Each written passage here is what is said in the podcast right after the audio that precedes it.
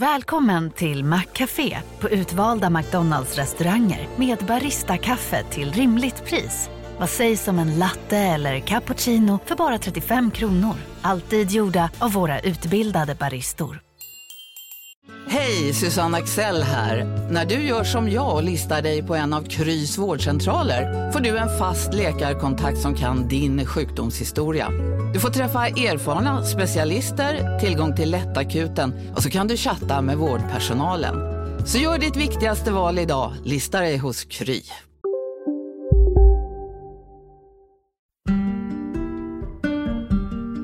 Från Monopol Media, det här är Kapitalet. Idag med mig Gunnar Harjus.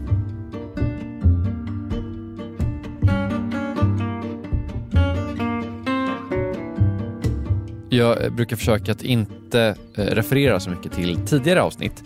Kapitalet är ju liksom inte en, en, en serie på det sättet utan nästan varje avsnitt ska ju kunna stå för sig själv. Men jag skulle ändå vilja prata pyttelite om förra veckans avsnitt.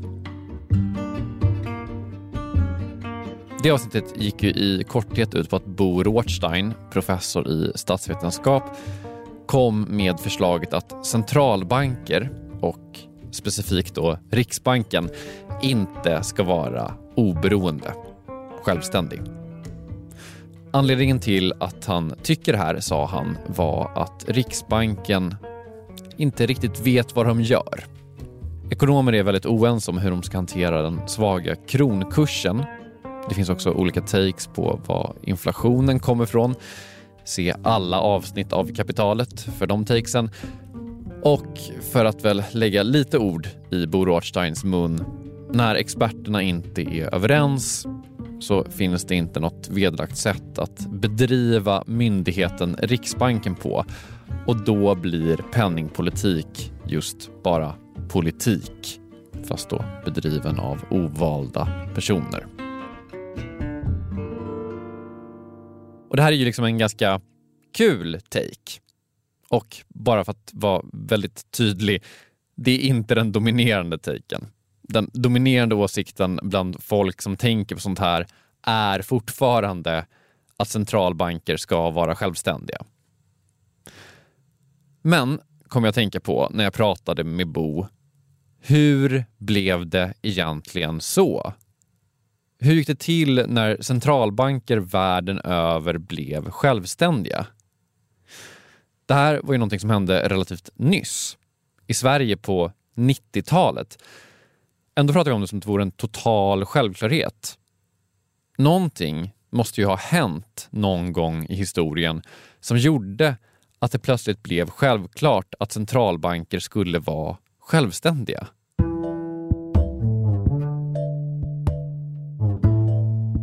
Så idag så är det den historien som vi ska berätta. Det stora centralbanksskiftet när centralbanker gick från att vara politiskt styrda till att bli självständiga. Och det här är faktiskt en historia som berättar om egentligen hela den andra halvan av 1900-talets makroekonomiska utveckling och det är också en historia som till slut leder fram till frågan hur självständiga är egentligen centralbanker efter det här.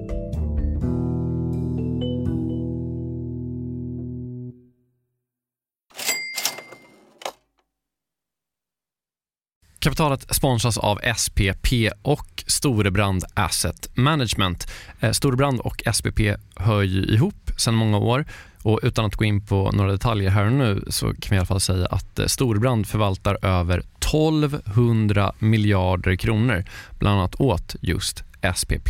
Och du har ju träffat Storebrand, Jakob, och pratat om eh, Kina Ja, eh, vi, vi pratar i alla fall om hur Kina blivit en sån otroligt viktig del i omställningen av energisystemet. Över 70 procent av värdekedjorna inom vind och solkraft kontrolleras av Kina, vilket mm. är otroligt när man tänker på det. Ja.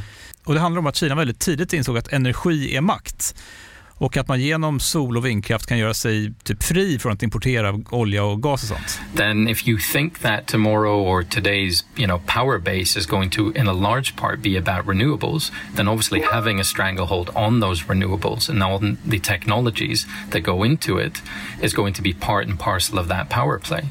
Eh, det här är då Philip Ripman som ansvarar för Storbrand Global Solutions, eh, en fond som investerar i lösningsbolag över hela världen. Mm. Och hela det här avsnittet om Kina och geopolitiken som nu liksom är invävd i den globala omställningen, eh, den släpper vi som en bonus här i kapitalet nu i veckan. Ja, och mer information om storbrand kommer vi få i kommande avsnitt och eh, man hittar också förstås mer om man vill ha det här och nu på storebrand.se. Vi säger stort tack till SPP och Storbrand. Tack!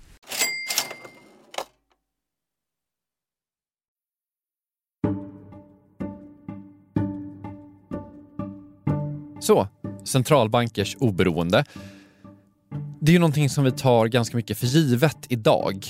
Men det är ju om man liksom tittar lite historiskt en extremt ny företeelse.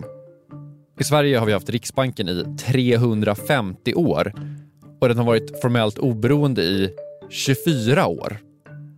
Sen, alltså så här, självständighet är ju en, en gradfråga, men ni fattar.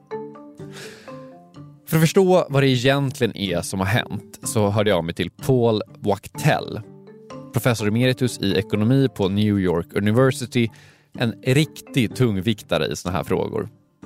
Om man ska ranka personer som tänkt mest på centralbankers oberoende de senaste 50 åren så är jag väldigt förvånad om Paul inte är, liksom, är på prispallen i den tävlingen. You know, in the United States there's uh particularly in academia, no required retirement. So people stay active well into old age. Uh, and I hope to be one of those people. Paul Wachtell, han är the guy att prata med om centralbanksoberoende. För han var faktiskt med när centralbanksoberoendet började växa fram. Han har liksom sett allting hända, både från ut och från insidan. Och han blev the guy att prata med om centralbanksoberoende för att när han gav sig in i akademin så var han i princip den enda som brydde sig om centralbanker. Folk i allmänhet och ekonomer i allmänhet brydde sig liksom inte så mycket om penningpolitik överhuvudtaget. Det här var då typ 50 år sedan och eh, det var keynesianismen som hade ett ganska stadigt grepp om hur man såg på en ekonomi och hur den skulle skötas. I och med det här så hade man då fått upp ögonen lite grann för det här med pengaskapande. Men det var inte så att man för den sakens skull brydde sig om centralbanker. Back in the 19 say 80s economists typically did not really look at the institutional context. One of my first sabbaticals, which was in 1980, i spent some time at the Federal Reserve Bank of New York uh, and discovered that the institutional structure was important and interesting. Det här låter ju helt eh, sjukt idag. Eh, alltså att centralbankers uppbyggnad och typ reglerna för hur en centralbank ska få verka, att det ska vara totalt irrelevant. Men enligt Paul så var det exakt så. the theoretical macroeconomist had this notion that poof, money got created, and, and then was looking at what the consequences of that money creation were. The specifics of how it got created and who created it and what the mechanisms for the transmission of money into the economy were details left to the bankers. In retrospect, it seems like a terrible mistake, but there was this sort of generalist willingness to generalize about money, uh, which led to um, a willingness not to pay attention to banks and central banks as part of the process. Det är så sjukt intressant, tycker jag. Att man liksom tänkte på pengar som någonting som skapas, men hur det skapas och vem som skapar det, det är lite skitsamma. Det viktiga är att pengarna skapas och att de kommer ut i systemet. Idag tänker man ju väldigt mycket på hur pengar skapas. Och inte minst då för att det är viktigt var i systemet som pengarna börjar finnas. I vårt fall då i banker. Att studera centralbanker och banker och vilken roll de har i kriser och pengaskapande, det är ju sånt som folk får Nobelpris för nu för tiden. Men inte då när Paul Wachtell började studera de här grejerna alltså. Men sen så hände det någonting. Pengaskapande och centralbanker blev plötsligt intressant för fler än Paul. Det här hände faktiskt när Paul hade ett sabbatsår från akademin och var på The Fed of New York, alltså en gren av den amerikanska centralbanken, under hösten 1979. Inflation was running rampant in the United States through the 1970s. There were some ups and downs, but without going into the history of it, the policymakers were really unable to bring inflation under control. Paul Volcker became chairman of the Board of Governors of the Federal Reserve. And I can tell you the date on October 6th, they announced a change in policy procedures.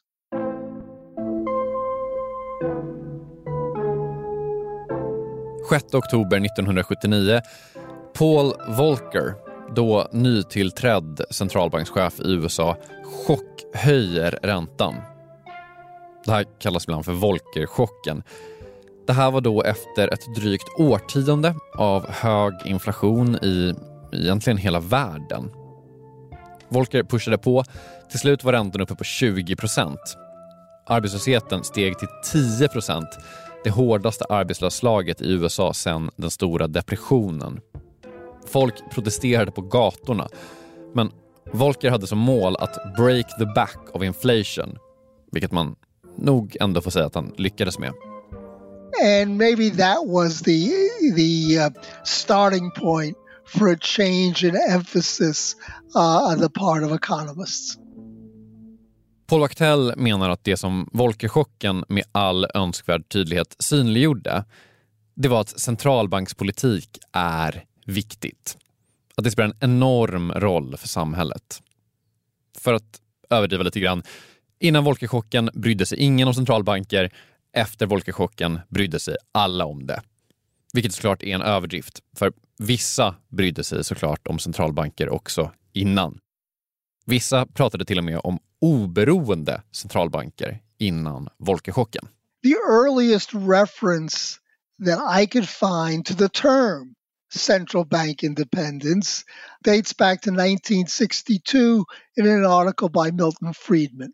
Milton Friedman, som ju inte är ett stort fan av politiker som bestämmer saker om pengar, skriver i sin artikel “Should there be an independent monetary authority” att centralbanker borde vara organiserade med målet att nå en monetär struktur som är stabil och free from irresponsible government tinkering, vilket enligt Friedman är lite samma sak. Men ingen brydde sig om Friedman 1962.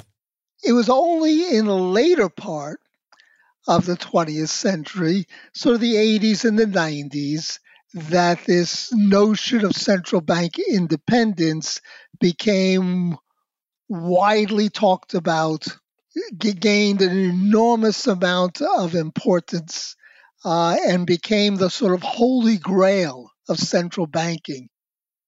Paul Wachtell menar att det här har med ett gäng olika saker att göra. Dels då det som faktiskt hade lett fram till Volckerchocken 79, alltså inflationen. The high levels of inflation uh, made people a little suspicious of central banks. Dessutom, under den här tiden så fick många länder för första gången en centralbank. I länder som vunnit självständighet från sina kolonisatörer så skrevs för första gången centralbankslagar. Och det här tvingade folk att tänka på vad en centralbank egentligen är. And there was also some developments in economic theory. There was a particular development in macroeconomic theory called um, time inconsistency.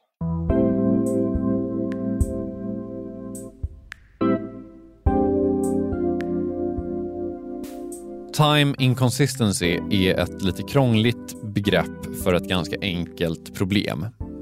Så här. En politiker har flera mål. ett av målen är att det ska gå bra för staten eller staden eller kommunen eller vad det är man styr. Men ett annat mål som en politiker har är att vinna nästa val. Och när man vill vinna nästa val så gör man bäst i att ge eventuella väljare bra saker. Gärna nu. Man vill vräka på helt enkelt. The longer term consequences of an overly expansionary monetary policy is going to be inflation. But that takes a while to take place. It's going to take place after the election. The elected official has a time inconsistency problem. His own preferences might not be the same as what's best for society in the longer run. Det här formulerades för första gången av eh, norrmannen Finn Kydland och eh, amerikanen Edward Prescott 1977. Så småningom fick de Nobelpriset i ekonomi för att ha kommit på det här problemet.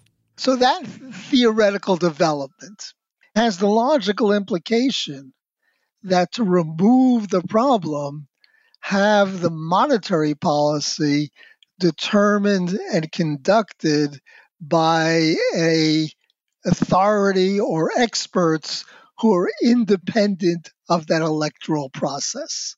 Alltså oberoende centralbanker. So this begins to gel as we get into the 90s because the final sort of uh, observation was that there were a few empirical studies which measured the extent to which central banks were independent and made the observation that, gee, those central banks that seemed to be more independent of government influence were also the countries which had less inflation. Det ska sägas att Paul tycker att de här studierna har ganska svag empirisk grund. De undersökte bara några få centralbanker, vissa av dem. Och sen är det också väldigt, väldigt svårt att isolera vad som leder fram till inflation och inte. Det tror jag vi alla känner idag. Hur som helst, alla de här sakerna började liksom komma samman. Inflationen löpte amok. Milton Friedmans teorier började få fäste. Man började se ekonomi som en vetenskap med ett rätt och ett fel. De här empiriska undersökningarna om centralbanksoberoende som gjordes, de pekade ju också på det här. So by the time you get into the 1990s, you have this very idealized version of what a central bank is all about. It should focus on inflation. That's its mission. Specifically, when the European Central Bank was, was created, came into existence in the late 1990s, its mission was defined as price stability, period. Nothing else. Den här historien har vi ju berättat förut, men inflationsmål blev ju väldigt vanligt under den här tiden. Det hade tekniskt sett börjat på Nya Zeeland, men sen fick det spridning över i princip hela världen. Och snart hade varenda centralbank som mål att dela med inflationen. So a central bank should focus on price stability and in order to reach that goal should have the independence to act independence from politicians to act appropriately. I'm judging by your sort of tone that you don't think that this was a particularly good idea, or am I reading you wrongly? it wasn't that it wasn't. No, no, I'm not, I'm not saying that that that it, it wasn't a good idea, but this sort of idealization of a central bank tur- turned out to be unrealistic. Varför Paul Wachtell tycker att det här är orealistiskt efter det här.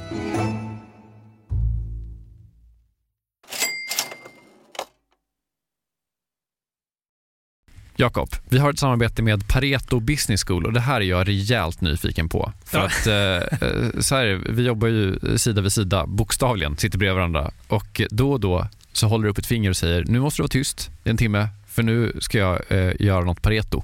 Exakt. Ja. Eh, Jag gillar ju att lära mig nya saker, det gör ju många journalister.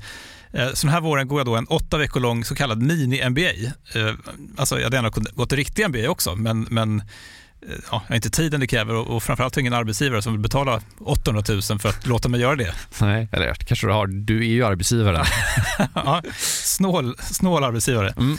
Det- Det är då Jens Bäckbom och Mattias Eklöf, två svenska entreprenörer som har skapat den här utbildningen just eftersom det finns ett gigantiskt hål mellan typ YouTube-filmer och en, en riktig MBA. Ja, och det här är då Pareto. Exakt, Ja. Pareto MBA. Eh, Paretos utbildning kostar cirka 25 000 kronor och, och under åtta veckor så lär man sig jättepraktiska och tillämpbara modeller för hur man startar, skalar upp, driver och säljer bolag. Eh, Jens och Mattias eh, de håller själva i många föreläsningar. De är garvade entreprenörer båda två. Mm. Och så har man så olika gästföreläsare som kom in. Mm. Typ någon kille som, som eh, var expansionschef på Spotify, någon som körde marknadsföring på Revolut, eh, en kille som driver Sveriges största campingkedja, Mm. som har varit med i kapitalet faktiskt, Okej. Johan Sör. Ja. Ja, just det. Också varit en helt otrolig svensk eh, entreprenör som byggt massor med grejer i Vietnam. Alltså makalösa berättelser. Ja, wow. Eh, Så den här kursen består av en blandning förinspelade moment och seminarier, men man går också i då så här kohorter tillsammans med andra deltagare från Sverige och utlandet. Jättenyttigt, eh, eh, tidseffektivt och funkar jättebra för, för den som vill driva egen verksamhet som, som typ vi gör här. Eller om man typ driver projekt och affärer i större bolag. Wow. Om man är taggad på att eh, bli en del av den här, liksom, vad ska man säga, Jakob skolan om man vill bli som dig, lära sig lika mycket som, som du har lärt dig, vad, Ja. vad gör man då? Eh, Nästa kursstart är 5 april. Eh, Så vill man ta ett kliv framåt i sin utveckling eller karriären eller så, gå då till arbetsgivaren och kolla om du inte kan gå den här utbildningen. Priset ligger alltså på 2500 euro, men ni får 10% rabatt om ni anger Monopol Media som referens när ni eh, gör er anmälan. Mm. Eh, Man kan också gå in på paretoschool.com för att eh, läsa mer och ja, se lite smakprover från själva utbildningen. Då. Mm. Så att eh, man sparar jättemycket pengar i för att gå Handels MBA och man sparar ytterligare pengar om man tar del av eh, Monopol Media-erbjudandet. Ja, exakt. Ja, en no-brainer som vanligt, Plus att man blir ju eh, alumnkollega med mig då. verkligen. Så stort, stort tack till eh, Pareto Business School och eh, gå in på paretoschool.com.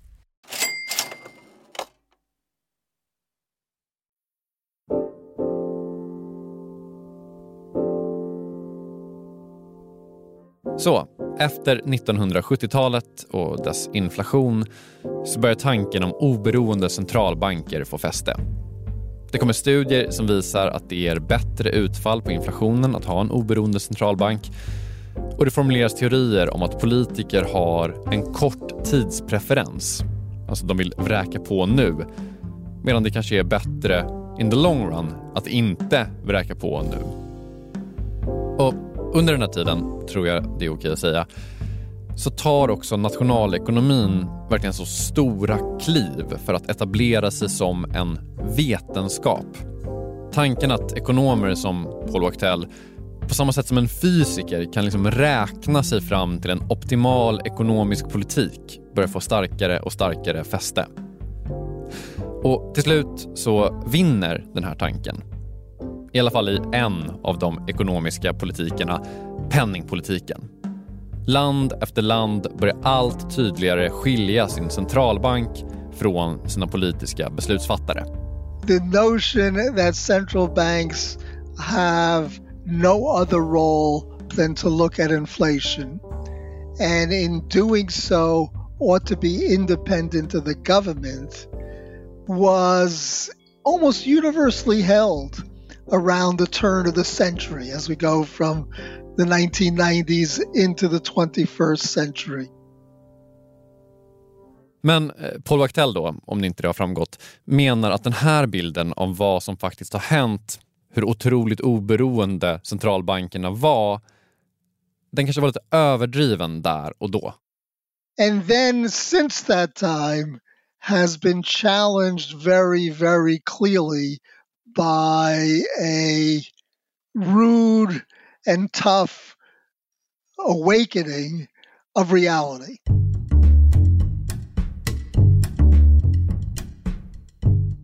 Det Paul menar det är att ja, vi säger att centralbankerna är oberoende och det är ju fint. Det är en fin tanke. Men det som har hänt de senaste 15 åren det visar att centralbankerna kanske inte är så himla oberoende egentligen. the first reality to strike the central banking community was the financial crisis in 2008 2009. Man kan säga att finanskrisen var första gången som de här nya, numera oberoende centralbankerna faktiskt steppade in. Man eh, skapade väldigt, väldigt mycket pengar som man då hällde på den här brasan som var finanskrisen. Och man agerade egentligen som politiker, menar Paul Wachtell.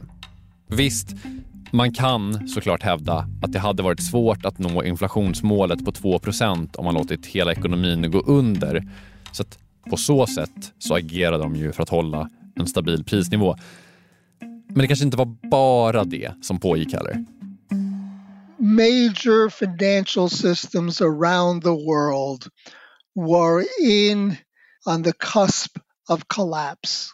And central banks responded by cooperating with political mechanisms, cooperating with governments to maintain the stability of the financial system. Och sen, eh, efter finanskrisen, så var då tanken att man skulle gå tillbaka till business as usual. Centralbanker hade visserligen frångått lite sin roll som oberoende inflationsväktare men finanskrisen var ju, om ni inte minns, en big jävla deal. Klart de skulle gå in och hjälpa till där, tyckte nog alla. Men nu tillbaka till det vanliga, tillbaka till oberoendet. Financial system stability had been reestablished. Euro sector stability had by and large been reestablished. And then as you moved into 2000 teens, the thinking was we're going to return back to normal, where the central banks can focus on their inflation objective and set policy independent of the government. And then what happens? Det som händer då är ju covid. So, very, very quickly, the COVID crisis was again another sort of earth stopping phenomena. Och än en gång så kliver centralbankerna in tillsammans med politiker. De skapar pengar, de köper obligationer, de arbetar tillsammans. Och alltså, bara för att vara tydlig, Paul Wachtell tycker inte att det här var dåligt. Han tycker inte att centralbanker borde gjort noll och ingenting under finanskrisen och sen inte heller gjort någonting under pandemin. Men han tycker att det här sätter centralbankers oberoende i ett lite nytt ljus. But I think that there is now a more sophisticated or textured understanding of the extent to which central banks need to, at certain times, work with the government. Vad han däremot tycker är lite dåligt då, det är då hur hela det här systemet är uppbyggt. Under pandemin så klev centralbankerna in och hjälpte specifika sektorer, till och med specifika personer. I Sverige köpte Riksbanken bostadsobligationer till exempel. Och Paul säger inte att det här var fel beslut. Men han säger att det är ett beslut som politiker nog borde fattat. Dessutom, ja, det är fine att en oberoende riksbank ingriper i en enorm kris. Men vem bestämmer att det är en kris? Är det kris nu? Det är ju kris i Ukraina. Det är nog alla överens om. Men är det kris i Europa? Är det kris i USA? Det Paul Wachtell menar det är nog att vi borde ha ett system för att reglera när centralbanker ingriper och inte ingriper. So this 1990s kind of idealized version of the central bank which sits up there in the cloud independent of the politicians and determines monetary policy in pursuit of stable prices is sort of like a 20th century fairy tale rather than the 21st century reality.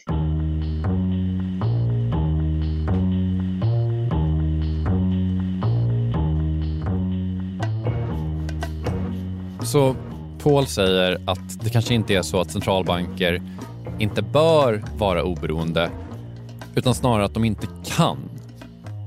Så hur ska vi ha det då? Paul menar att det finns tillräckligt med forskning och tillräckligt med empiri för att man ska kunna jaga inflationsmålet som en oberoende centralbank. Så, så vill han ha kvar det.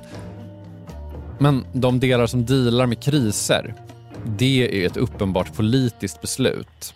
För vi har inte lärt oss att deala med kriser. Det finns liksom ingen experthandbok man kan gå till. Då hade det inte varit en kris.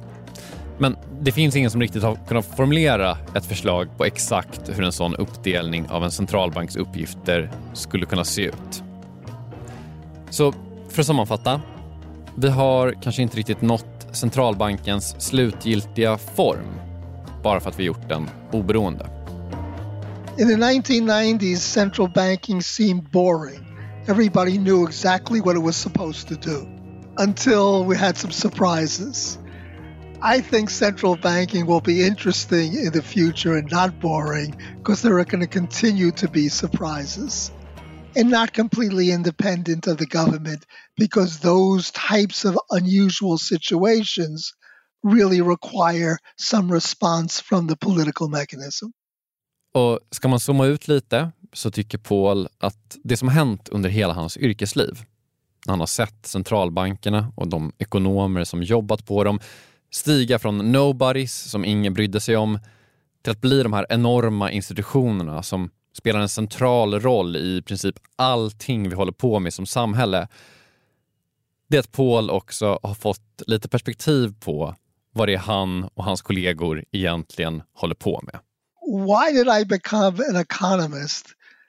Well, first of all, I was interested in sort of social science policy. And I was interested in sort of modeling in mathematics. And so I had this naive notion that economics was a science. A, that, that it could approach policy issues and human issues with the same scientific mechanisms that my brother, the physicist, was using in his studies. Well, so as a consequence, I became an economist, spent my entire career as an economist.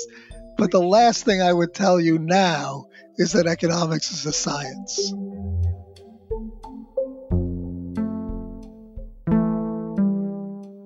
Kapitalet, en podd om vetenskapen, frågetecken, ekonomi, är eh, snart tillbaka igen.